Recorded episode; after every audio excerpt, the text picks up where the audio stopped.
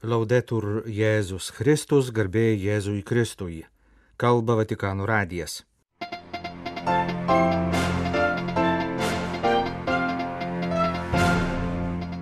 Nikaragvos režimas uždraudė jėzuitų veiklą šalyje.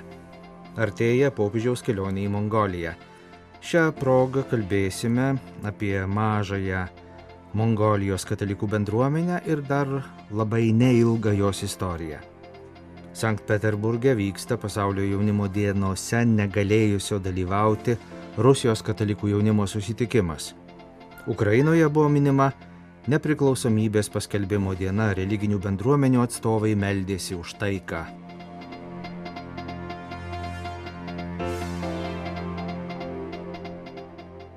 Nikaragvos režimas uždraudė jėzuitų veiklą šalyje ir nurodė konfiskuoti visą jų nuosavybę. Jėzaus draugijos Centrinės Amerikos provincija, kuriai priklauso Nikaragvos jėzuitai, paskelbė griežtą protestą. Nikaragvos vyriausybė rūpiučio 23 dieną paskelbtų dekretu atėmė iš Jėzaus draugijos juridinio asmens statusą ir nurodė generaliniai prokuratūrai perimti visą jėzuitų turtą. Jėzuitų paskelbtame pareiškime sakoma, kad šis sprendimas buvo priimtas pažeidžiant teisingumą ir administracinės procedūras kaip ir daugumoje iš daugiau nei 3000 panašių nuo 2018 metų režimo įvykdytų juridinio asmens statuso panaikinimo atveju, pastarasis sprendimas buvo priimtas nesuteikiant jėzuitams galimybės teisėtai apsiginti ir nesant nešališkos teisminės instancijos, kuri galėtų įvertinti ir sustabdyti šiuos visiškai nepagristus ir savavališkus piknaudžiavimus valdžia. Prieš pastarąjį sprendimą režimas jau buvo atėmęs vieną Jėzaus draugijos Nikaragvoje objektų - Managvos jėzuitų namus. Ta kartą valdžios pareigūnai užėmė namus ir iškeldino gyventojus, nesuteikdami jiems pakankamai laiko susirinkti ir išsivežti savo asmeninius daiktus.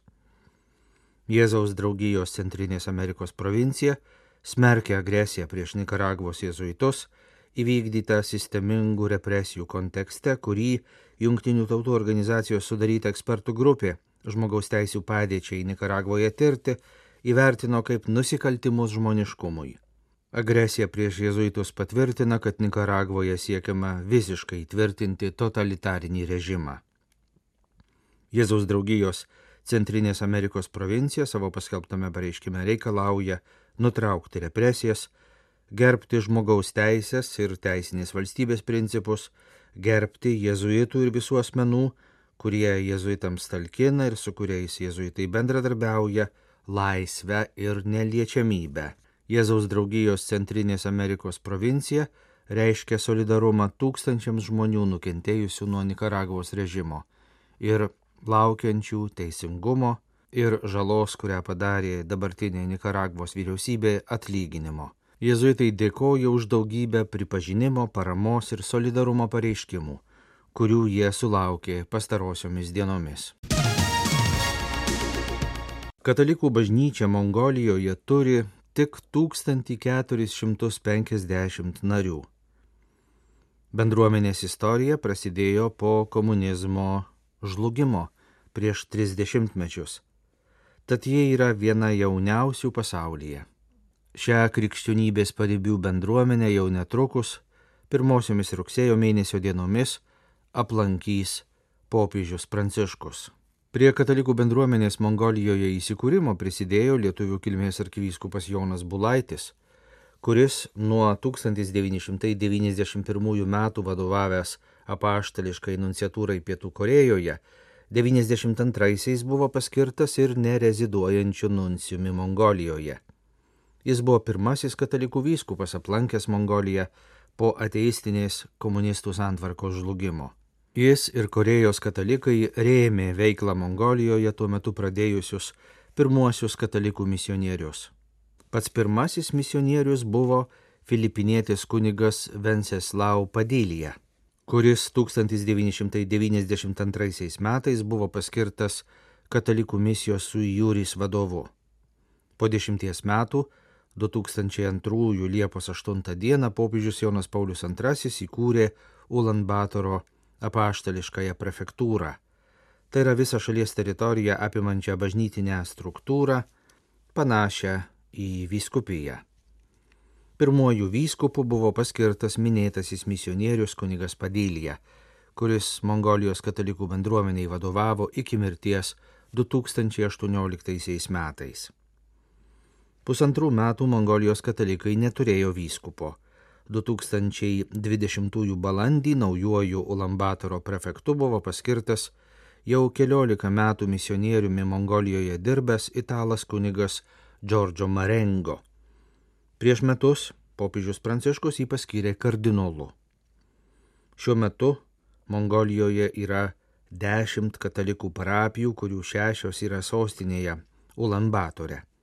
Prieš paskirimą Mongolijos apaštališkosios prefektūros vadovu Džordžo Marengo vadovavo katalikų bendruomeniai nedidelėme Arvaichero mieste už maždaug 400 km į pietus nuo sostinės į tą vietovę kunigas Marengo atvyko 2006 metais, prieš tai trejus metus gyvenęs Ulambatore ir mokęsis mongolų kalbos. Man tai buvo pirmoji misija. Apie savo darbą Arvaichero parapijoje sakė kardinolas Marengo misijų žinių agentūrai Fides duotame interviu. Palikome saugumo jausmą, kurį buvome susikūrę mokydamiesi kalbos ulambatore ir leidomės į visišką naujumą. Ėmėmės darbo mažame mieste, kuriame katalikų niekada anksčiau nebuvo. Taigi turėjome užmėgsti santykius su vietiniais gyventojais, įgyti jų pasitikėjimą, taip pat užmėgsti ryšius su valdžios institucijomis, gauti visus leidimus, pasiteirauti, ką galėtume padaryti dėl vietinių gyventojų. Kardinolas pasakojo, kad dabar žvelgdamas atgal jis aiškiai mato, kaip viešpaties ranka vedė misionierius per įvairias nelengvas patirtis, nesusipratimus. Nors nežinojome, kas mūsų laukia, ėmėmės darbo ir savo liūdėjimą pradėjome nuo tarnavimo vargstantiems žmonėms. Tai kai kuriems sukėlė troškimą priartėti prie tikėjimo, prisimena kardinolas. Vienas pirmųjų vietinių gyventojų, kuris kreipėsi į misionierius ir ilgainiui prieėmė katalikų tikėjimą, buvo jauna moteris, kurios vardas Perlima. Vėliau jie atsivedė savo vyrą, šiandien visa jų šeima katalikai. Nuo tada, kai įtikėjome į Dievą, mūsų gyvenimas labai pasikeitė. Net kai visko stokojame, žinome, kad esame turtingi Kristaus meilę, dalyjosi savo liūdėjimu moteris. Vienas artėjančio popiežiaus vizito Mongolijoje programos įvykių bus rugsėjo 4 dieną vyksiantis susitikimas su karitatyvinių organizacijų darbuotojais ir savanoriais bei su jų globojamais žmonėmis. Popiežius šią progą atidarys steigiamus gailestingumo namus. Viena ilgiausiai Mongolijoje tarnaujančių katalikiškų pagalbos organizacijų yra Raulio Foliro bičiulių draugija prieš 32 metus pradėjusi veiklą toje šalyje. Šios draugijos savanoriai globoja žmonės su negale, padeda jiems pasiekti kuo didesnį savarankiškumą ir dalyvauti visuomenės gyvenime. Labai džiaugiamės popiežiaus vizitu Mongolijoje, sakė Italijoje savo centrą turinčios draugijos vadovas Antonijo Lisoni. Jis paaiškino, kad Raulio Folro bičiulių draugija Mongolijoje bendradarbiauja su kitomis šalyje veikiančiomis labdaros ir socialinėmis organizacijomis, ją remia ES. Draugija savo veiklą siekia užtikrinti, kad neįgalieji asmenys galėtų naudotis pagrindinėmis paslaugomis.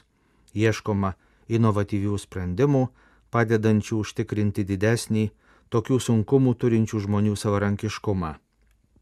Draugijos nariai taip pat padeda žmonėms su negale mėgsti tarpusavio ryšius, kurti jiems bendravimo galimybės. Rūpiučio 23-27 dienomis Sankt Peterburgė vyksta dešimtasis Rusijos katalikų jaunimo susitikimas. Dalyvauja daugiau kaip 350 tūkstančių jaunuolių, penki vyskupai, taip pat kunigai ir vienuoliai atsakingi už jaunimo sielovadą. Susitikimo tema tokia pati kaip ir Lisabonoje vykusių pasaulio jaunimo dienų tema Marija susiruošusi skubiai iškeliavo. Šis susitikimas tai tarsi jaunimo dienų tesinys, skirtas tiems, kurie negalėjo nukeliauti į Lisaboną. Portugalijos sostinėje vykusiame didžiajame jaunimo susitikime dalyvavo tik 17 jaunuolių iš Rusijos. Dabar per Peterburgė vykstantį susitikimą jie dalyjasi savo dalyvavimo įspūdžiais. Vyksta katechezės pagal pasaulio jaunimo dienų modelį, taip pat kalbamasi panašiomis temomis kaip ir Lisabonoje - apie integralią ekologiją, socialinę draugystę, Dievo gailestingumą. Kiekvieną dieną po pietų rengiami susitikimai trijose miesto katalikų parapijose, kur jaunimas turi galimybę susipažinti su bendruomenėmis ir kartu su jomis švęsti liturgiją. Susitikimo programoje numatytas ir popiežiaus pranciškaus sveikinimas nuotoliniu būdu. Sankt Peterburgė vykstančio Rusijos katalikų jaunimo susitikimo pristatyme nebuvo jokių užuominų apie karą.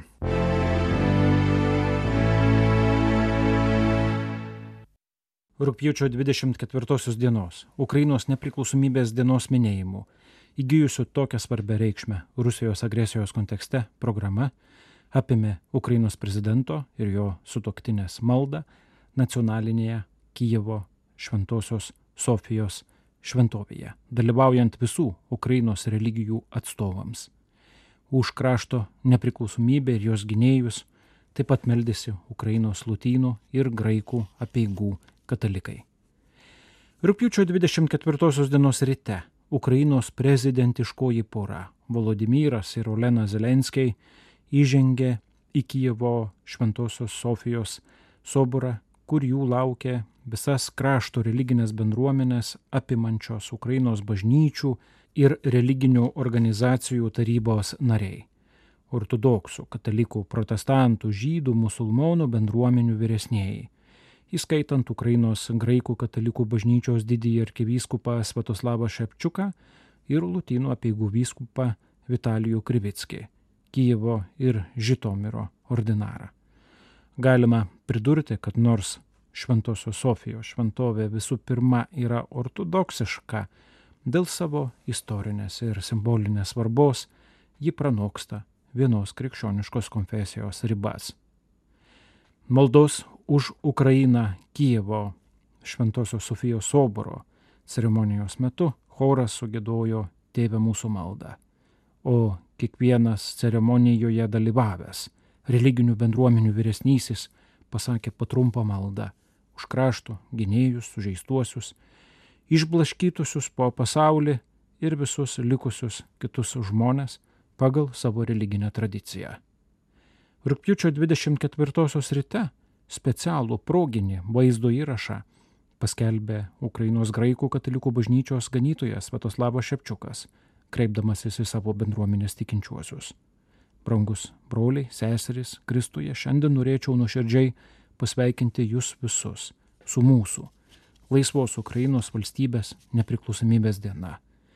Ukrainos nepriklausomybė yra šventė ir Dievo dovana. Šiandien pirmiausia norime padėkoti viešpačiui Dievui už tai, kad davė mums laisvą ir nepriklausomą valstybę, už tai, kad galime būti verti savo šalies žmonės, kalbėjo ukrainiečių ganytojas. Nepriklausomybės dieną, sakė jis, bandome suvokti laisvės dovanos vertę ir už ją dėkoti, taip pat ryštis ją priimti ir joje aukti. Būti laisvam pirmiausia reiškia galimybę daryti gerą. Tik laisvi žmonės gali kurti laisvą valstybę, tėvynę kovokime už laisvę nuo bet kokio blogio, ragino didysis arkivyskupas Svetoslavas Šipčiukas, pridūręs, kad aukščiausia laisvės realizavimo forma yra meilė ir pakvietęs prisiminti tuos, kurie sugebėjo mylėti savo kraštą iki pasiaukojimo įvairiais ukrainiečių tautos istorijos laikais ir epochomis, ne vien svajoti, bet ir kovoti, prakaitų ir krauju. Šiandien ypač melžiamės už mūsų merginas ir vaikinus, kurie gina mūsų nepriklausomybę, karo, kurį Rusija atnešė į mūsų žemės, mūšių laukose. Šią šventę šiandien galime švęsti tik todėl, kad Ukrainos kariuomenė užtikrina laisvės erdvę, sakė vyriausiasis ukrainiečių graikų katalikų ganytojas. Jis taip pat pakvietė atsiminti tuos bendrapiliečius, kurie yra Rusijos okupuotose teritorijose ir gali smarkiai nukentėti, net gyvybę prarasti, jei būtų sugauti švenčiantys Ukrainos nepriklausomybės dieną. Karas ypač leido suprasti, kad tai yra visų bendrasis gėris ir todėl visi turi padaryti, ką gali, kad jis būtų išsaugotas šioje neligioje kovoje, remti kariuomenę, padėti tiems, kurie buvo sužeisti kare. Šiandien melžiamės Dieve laimink Ukrainą, laimink dorus ir laisvus Ukrainos vaikus. Didysis ir vienintelis Dieve gelbėk Ukrainą, meldė didysis arkivyskupas Svetoslavas Šepčiukas. Visagali ir gailestingasis Dieve, per švenčiausią mergelę Mariją prašome tavęs pagalbos ir apsaugos šiandien. Prašome tave priimti mūsų maldas, kurias aukojame tau šio karo išbandymo metu suteikti mums jėgų atsilaikyti bei apginti teisę gyventi savo žemėje. Marija, mūsų dangiškoji motina ir užtarėja, drąsiai prašome tave užtarti mūsų tėvynę, padėti mums apsaugoti ją nuo priešų ir laimėti. Amen. Meldė Lvivo, Lutino peigų arkiviskupijos auxiliaras Edvardas Kava ir pridūrė, šiandien savo maldomis ir dėkingumu apgaupkime mūsų neįveikiamus karius jų pasiaukojimo ir ištikimybės priesaikai dėka vis dar turime nepriklausomybę. Tegul viešpats būna jų stiprybė ir gale. Specialų kreipimasi į karius paskelbė ir Lvivo arkiviskupijos kariuomenės kapelionai. Brangus Ukrainos valstybės gynėjai, šiandien jūsų dėka mes vis dar esame nepriklausoma valstybė. Ukrainos nepriklausomybė dabar nuplauta jūsų prakaitų ir krauju pralietų dabartinio karo mūšiuose už mūsų teisę gyventi Dievo duotoje žemėje. Už 32-ąją nepriklausomybės dieną esame skolingi visiems, kurie stojo ginti mūsų tėvynės tam, kad ji turėtų ateitį. Jūs prisidėjote prie tų, kurie per išsivadavimo kovas kūrė istoriją ir oriai užėmėte savo vietą tarp jų. Didžiuojamės ir dėkojame Jums už šį žygdarbį. Pažadame būti verti Jūsų drąsios aukos ir rūpintis žemę, kurią savo krauju mums apgynėte. Tegul viešpats padeda Jums vykdyti šią misiją, tegul saugo Jūs ir Jūsų šeimas, bei pagreitina pergalę. Su nepriklausomybės diena, kariai, su nepriklausomybės diena Ukraina esame kartu malda, žodžiais ir darbais rašoma ukrainiečių kapelionų sveikinime.